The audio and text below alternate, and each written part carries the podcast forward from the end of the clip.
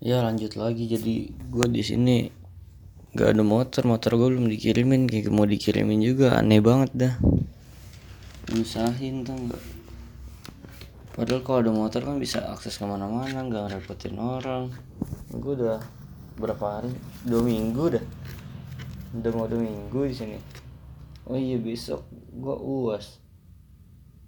Besok uas pertama apa ya gue juga nggak tahu lupa gue jadwalnya. Ntar, ntar gue lihat. Uas pertama apa sih? Hmm, semoga gampang gak susah-susah soalnya gue juga nggak pinter-pinter banget. Bingung nanti gue ngerjainnya. Uas pertama soalnya mana sih? Bentar-bentar ya ampun. Lu bingung gak sih kalau lagi ujian-ujian gitu? Gue iya nih apa kabar dah?